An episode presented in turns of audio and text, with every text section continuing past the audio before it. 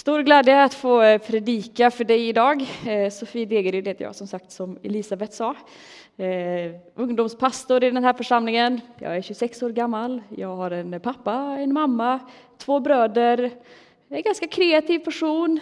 Jag är ibland lite så här för framåt, men ändå ganska framåt. Ibland på ett bra sätt, ibland kanske lite mindre bra sätt. Men så finns det också en annan grej om man skulle fråga mig så här, vem är du liksom? Som jag skulle svara. Och det är att ja, men jag är Guds barn. Att jag är älskad av Gud. Hans skapelse. Och det finns en eh, ja, en anledning till att jag liksom börjar i den att säga, vem är jag egentligen? Och det är att min predikan kommer idag att handla om det. Och rubriken, om man kan sin Disney-film så känner man kanske igen det här och det är Glöm inte vem du är. Är det någon som har så här, vet eh, vilken film det är hämtat ifrån? Känner ni igen det? Lejonkungen, precis. Det här är alltså från eh, Lejonkungen, en av, ja men fortfarande ändå mina favoritfilmer skulle jag säga. När jag var Ja, men lite mindre så det händer ju att man kollar på film ibland. Eh, och Lejonkungen var liksom en av dem som eh, de gick, den gick hem väldigt bra kan man säga. Vi hade även Mio min Mio, också väldigt bra film, och Grease. Man kan tycka att det är en liten o, eh, otippad kombo, men eh, så var det i alla fall. Och Lejonkungen då, för dig som inte har sett den, så handlar den om lejonet Simba. Eh, och han är då son till Mufasa som är kung i Lejonriket. Och de lever där, de lever livet som, som lejon gör ungefär. Och för att göra liksom historien kort och ja, även en liten spoiler vad som händer i filmen, så ska du titta på den och verkligen inte vill veta så får du hålla för öronen nu. Eh, men Mufasa dör ganska tidigt i filmen. När Simba är väldigt ung så, så dör liksom hans pappa som är kung. Och då är det ju egentligen ja, Simba som ju är näst på tronföljden, liksom, att ta över efter pappa. Men eh, han har också en väldigt elak farbror som heter Scar och han eh, skrämmer iväg Simba och säger ja, men du, eh, gå härifrån, liksom. du ska inte vara här, typ så. Så att Simba flyr och lämnar Lejonriket helt enkelt. Och sen är han ju ensam, ledsen, övergiven, den här lilla lejonungen såklart. Men då träffar han två kompisar som heter Timon och Pumba. Fantastiska rollkaraktärer för övrigt i filmen. Han träffar dem och han eh, växer upp och ja, men du vet, så här, lever livet. De käkar skalbaggar och sånt där. Härligt. Och sen ja, men, ju längre liksom filmen går så märker man att ja, men Simba han liksom brottas mycket med sig själv. Man märker liksom att det står inte riktigt rätt till. Man märker att han ja, men bär väldigt mycket skuld för hans pappas död, för att han tänker att det var hans fel, vilket det egentligen inte var. Men Simba har liksom den skulden på sig. Och han får eh, sen träffa en eh, apa som heter Rafiki eh, och kommer bland annat att få liksom möta sin far igen. Och, ja, det är ju ändå en mäktig film, det måste ni hålla med mig om. Har du inte sett Lejonkungen så titta på den. Det kommer också en ny version nu i sommar tror jag. Jag är väldigt taggad, så vill du se den så kan du åka på mig. Här får alltså Simba möta sin pappa, som ju inte är levande, men liksom, han får träffa honom och bli påmind om att så här, ja men eh, just det, det finns någonting mer för mitt liv. Och pappan säger ju det att ja, men du har glömt vem du är, för du har glömt vem jag är. Och att det finns någonting mer för ditt liv och det finns liksom någonting mer att gå in i. Det finns en del i livets cirkel, som man säger.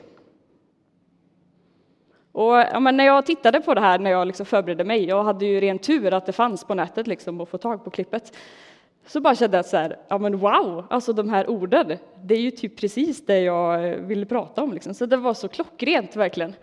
Ehm, för att det som jag tänker är att eh, ja, men det är ju precis det där som Gud ibland säger till mig.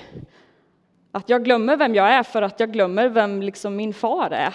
Precis som Simba hade, liksom, han hade missat det där med att han skulle bli kung. Han ville liksom inte acceptera det eller gå in i det, utan valde att istället förneka det och liksom tänka på annat.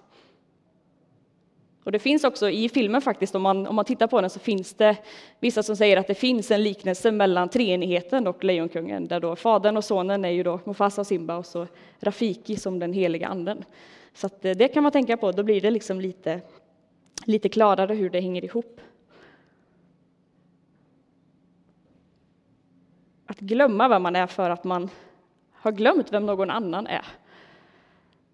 Jag tänker att när man när, när vi ger våra liv till Gud, så är det ju just det det handlar om, att faktiskt bli den som Gud vill att jag ska vara.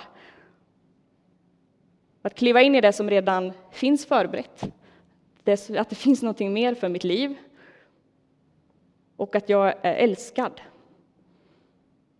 Och detsamma gäller för dig, att du är mer älskad än vad du kan förstå. Du har ett ja, men så mycket högre syfte än vad du kan fantisera om. Och du har gåvor som inte beror på främst slump eller gener, utan för att Gud faktiskt har skapat dig med dem, att det finns en plan med det. Och i den tiden som vi, som vi lever idag så är det ju väldigt många liksom olika röster som hela tiden talar till oss och försöker säga åt oss vilka vi ska vara. Vad vi ska säga för någonting, vad vi ska tycka ibland kanske också, och hur vi ska bete oss, vad som är rätt, vad som är fel. Och allt det är ju kanske inte dåligt att liksom ta efter. Men det finns sanningar som är så mycket större, så mycket bättre för oss. Och det är Guds sanningar, det som han säger om oss. Det som han vill att vi ska liksom mata oss med och det vi ska formas efter. Att orden som Gud säger är det som ska få tala starkast in i våra liv. Och jag vill läsa ett bibelord från Romarbrevet kapitel 8 och ifrån vers 15 om att vi är Guds barn. Då står det så här. Ni har inte fått en ande som gör er till slavar så att ni måste leva i fruktan igen. Ni har fått en ande som ger er söners rätt så att vi kan ropa Abba, Fader. Anden själv vittnar tillsammans med vår ande om att vi är Guds barn. Men är vi barn, då är vi också medarvingar Guds, Guds arvingar och Kristi medarvingar om vi delar hans lidande för att också få dela hans härlighet. Och också i Johannes kapitel 1 och vers 12 så står det att men åt dem som tog emot honom gav han rätten att bli Guds barn. Åt alla, åt alla de som tror på hans namn, som har blivit födda, inte av blod, inte av kroppens vilja, inte av någon mans vilja, utan av Gud. Och det där är en sån där viktig sanning om mig och om dig, om alla oss och alla människor som finns på den här jorden. Att vi är Guds barn. Och det spelar liksom ingen roll vad, ja, men vad jag tänker eller hur min relation med Gud är. Vi är fortfarande hans barn, även om du inte bekänner Jesus som Herre i ditt liv. Så är man ändå ett Guds barn.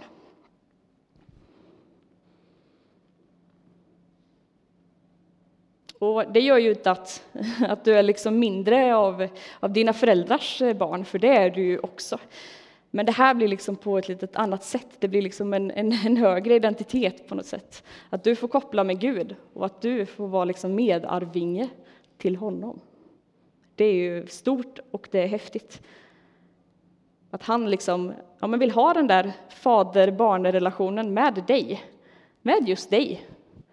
Att det var därför han dog på korset, för din skull, för att han vill ha den relationen med dig. Han sträcker ut handen mot dig och sen har du ett val att göra om du vill liksom ta emot den eller inte. Det är upp till dig.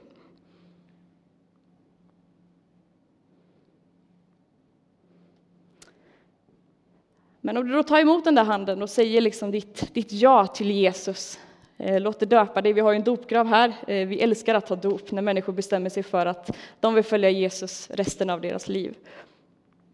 Då står det eh, ett bibelord om att vi blir en ny skapelse i Kristus, i Jesus. Och vi kan läsa ifrån Andra Korinthierbrevet 5 och 17. Det kommer mycket bibelord idag, men det är ju härligt. Och jag tänker också att så här, det är bra för att påminnas ibland om vem, vem jag är i Gud, liksom, vilka vi är, just så att vi inte ska glömma bort det. Så därav mycket bibelord. Andra Korinthierbrevet 5. Den som är i Kristus är alltså en ny skapelse. Det gamla är förbi, något nytt har kommit.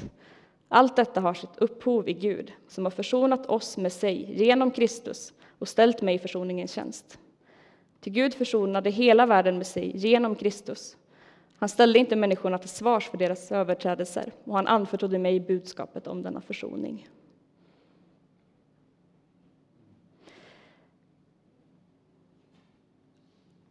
Och just det där första steget att ta emot Jesus, det är ju, det är ju egentligen ganska enkelt. Det handlar om att, att be en bön, att öppna ditt hjärta och säga Jesus, jag vill ha med dig att göra. och bjuda in honom i ditt liv. Men sen finns det ju någonting som kommer liksom efter det. Det finns ju en fortsättning. Livet liksom fortsätter ju eh, och det vill ju Jesus självklart vara en del av. Och det där jaet som du säger till Jesus, det måste också få konsekvenser i ditt liv. Att det kommer att märkas ja, men på dig när du har tagit emot Jesus i ditt liv. Och det är precis så som det ska vara, att, att du blir liksom formad av hans tankar, hans värderingar, att du blir formad av det här som vi tror är Guds ord. Och låter det bli liksom till en del av dig. Inte någonting som man bara har så på söndagen eller eh, en liten bönesamling eller vad den är, utan att det är en del av hela livet.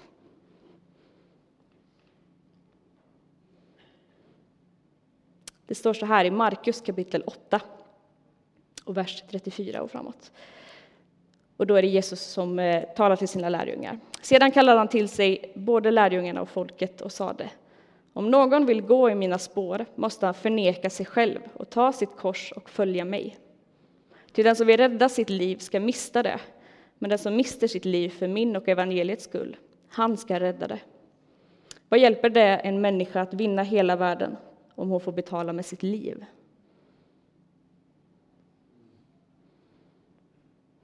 Att ta sitt kors och förneka sig själv, står det. Och det kan ju liksom låta ganska, ja, det är ganska hårda ord, kan jag tycka, att förneka sig själv. På ett sätt kan man tänka, jaha, betyder det att jag inte liksom är någon? Är det det som att förneka sig själv handlar om? Men just i det här fallet så, så är det inte det. Eh, i det här fallet så handlar det om att förneka sig själv för att inse att det finns någon annan som är större, som har makt över mitt liv, och det är Jesus själv. Att han blir den som, ja, som får sätta agendan för mitt liv. Att han är den som får påverka mig, får påverka de eh, valen jag gör och får liksom ge svar på frågor jag har och får vara den som liksom vandrar vid min sida. Men det handlar ju liksom inte om att, att jag själv inte är ansvarig för vad jag gör. Det är verkligen inte så. Eh, det är vi fortfarande, men det handlar om att det finns någon som vill hjälpa dig på vägen. Någon som är större än du själv. Som vi kan få lämna våra liv helt och hållet till.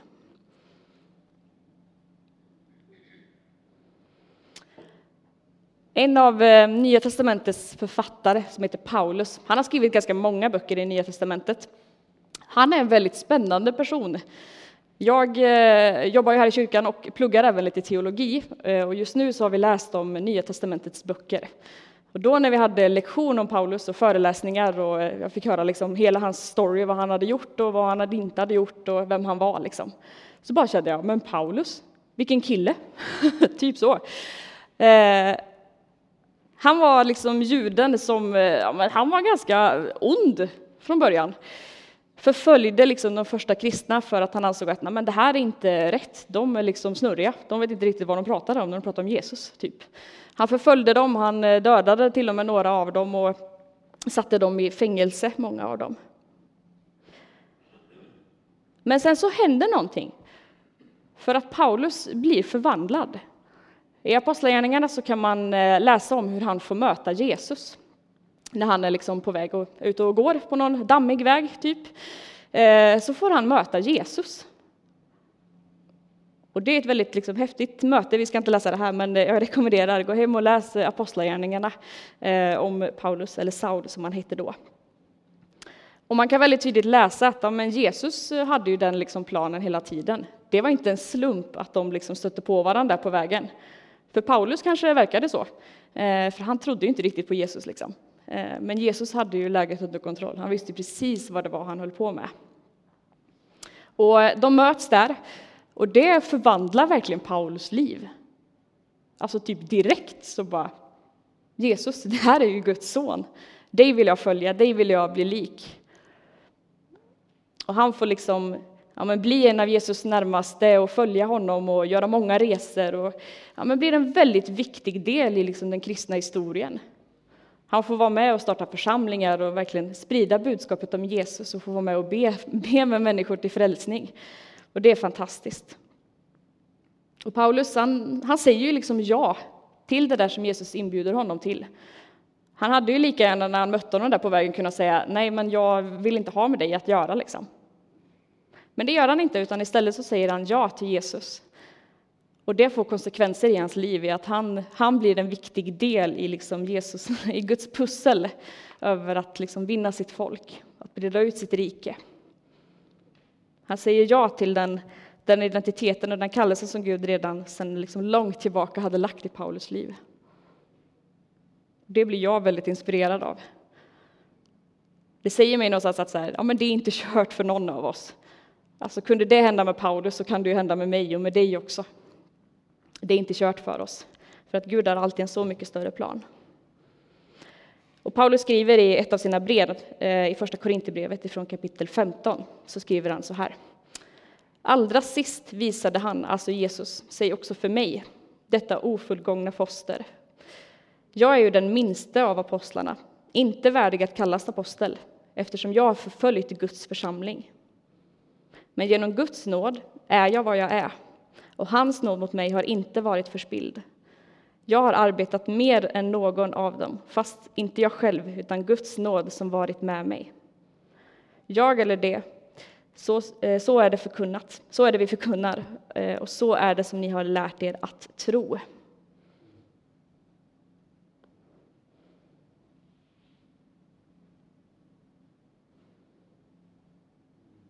Det händer någonting i mötet med Jesus. Precis som det gjorde för Paulus så kan det få göra det för dig och mig också. Att vi får bli förvandlade, att vi lite mer får förstå vad det är han faktiskt har, har kallat oss till. Att vi lite mer förstå, får förstå vilka vi är i honom. Det handlar inte om att söka det liksom i sig själv eller runt i samhället, utan det handlar om att söka den sanna identiteten i Gud. Han som har skapat dig och vet vad som är bäst för dig.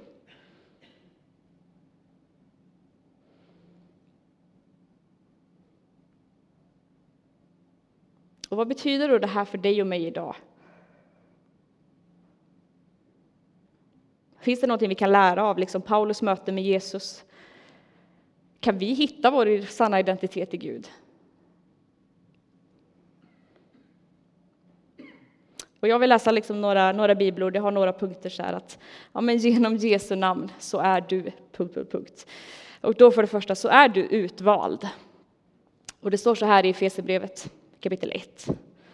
Han har välsignat oss med all den andliga välsignelse som genom Kristus fanns i himlen, liksom han före världens skapelse har utvalt oss i honom till att stå heliga och fläckfria inför sig i kärlek. Han har förutbestämt oss till att få söners rätt genom Jesus Kristus och förenas med honom. Det var hans viljas beslut. Till pris och ära för den nåd som han har skänkt oss med sin älskade son. Genom Jesus så är du utvald. Tack vare det som han har gjort så har han liksom sträckt ut handen till dig. Och Jesus väljer alltid dig. Alltså alltid.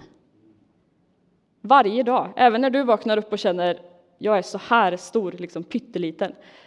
Då väljer han dig ändå. Och han, han tror på dig, han tror att du kan göra fantastiska saker med hjälp av hans nåd som vi läste om tidigare. Inte i din egen kraft, utan helt och hållet i Guds kraft. Han har utvalt dig till någonting större än vad du ibland kanske tänker eller du ser. Men du är utvald. I namnet Jesus så är vi också fria. Det känns ju fantastiskt. Vi är fria. Det står i Andra Korinthierbrevet 3. Herren, det är anden, och där Herrens ande är, där är frihet. Och i Johannes 8 så står det, om ni förblir i mitt ord är ni verkligen mina lärjungar. Ni ska lära känna sanningen, och sanningen ska göra er fria. Från den dagen du tar emot Jesus i ditt liv så bor också den heliga Ande i dig. Och anden pekar alltid på Jesus, på Jesus som är vägen, som är sanningen och som är livet. Och det är i honom som vi har vår frihet. En frihet som är så mycket större än all oro vi kan ha. En frihet som är större än alla kriser som vi går igenom eller allt som liksom tynger oss. Vi behöver liksom inte vara fängslade av, av vår oro eller de bojorna som vi har, utan vi är fria. I namnet Jesus så finns det frihet. Det betyder inte att livet kanske alltid är enkelt, för det är det inte att vara människa. Det kan vara ganska tufft ibland. Men ändå finns det en frihet.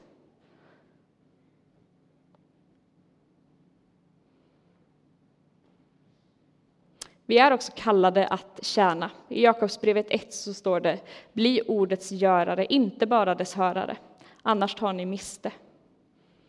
Och det är just det där att det handlar om någonting mer, att också tron får konsekvenser. Att det är inte bara någonting man hör och liksom tar in här i huvudet, utan det får också konsekvenser genom våra liv, genom dem vi är. Och du blir också en del i någonting större. Du blir också del i liksom det här som är gemenskapen, som är Guds församling. Och där har du en, en viktig del. Det finns en bild i Bibeln av församlingen som en kropp. Och en kropp har ju så många olika delar och alla delar behövs och är lika viktiga för att helheten ska fungera.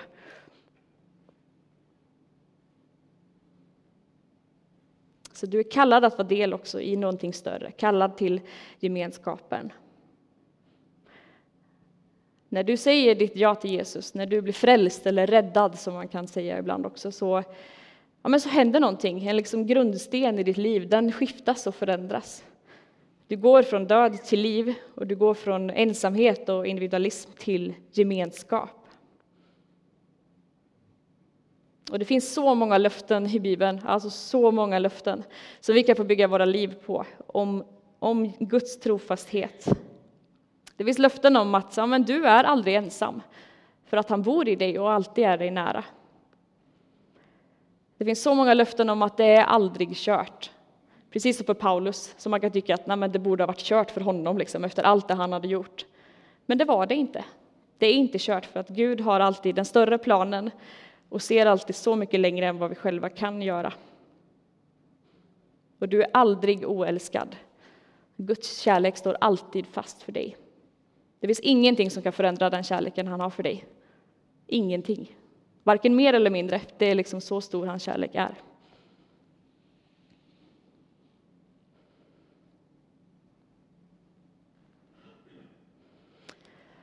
För att återgå till Lejonkungen då, som vi såg klipp på här innan.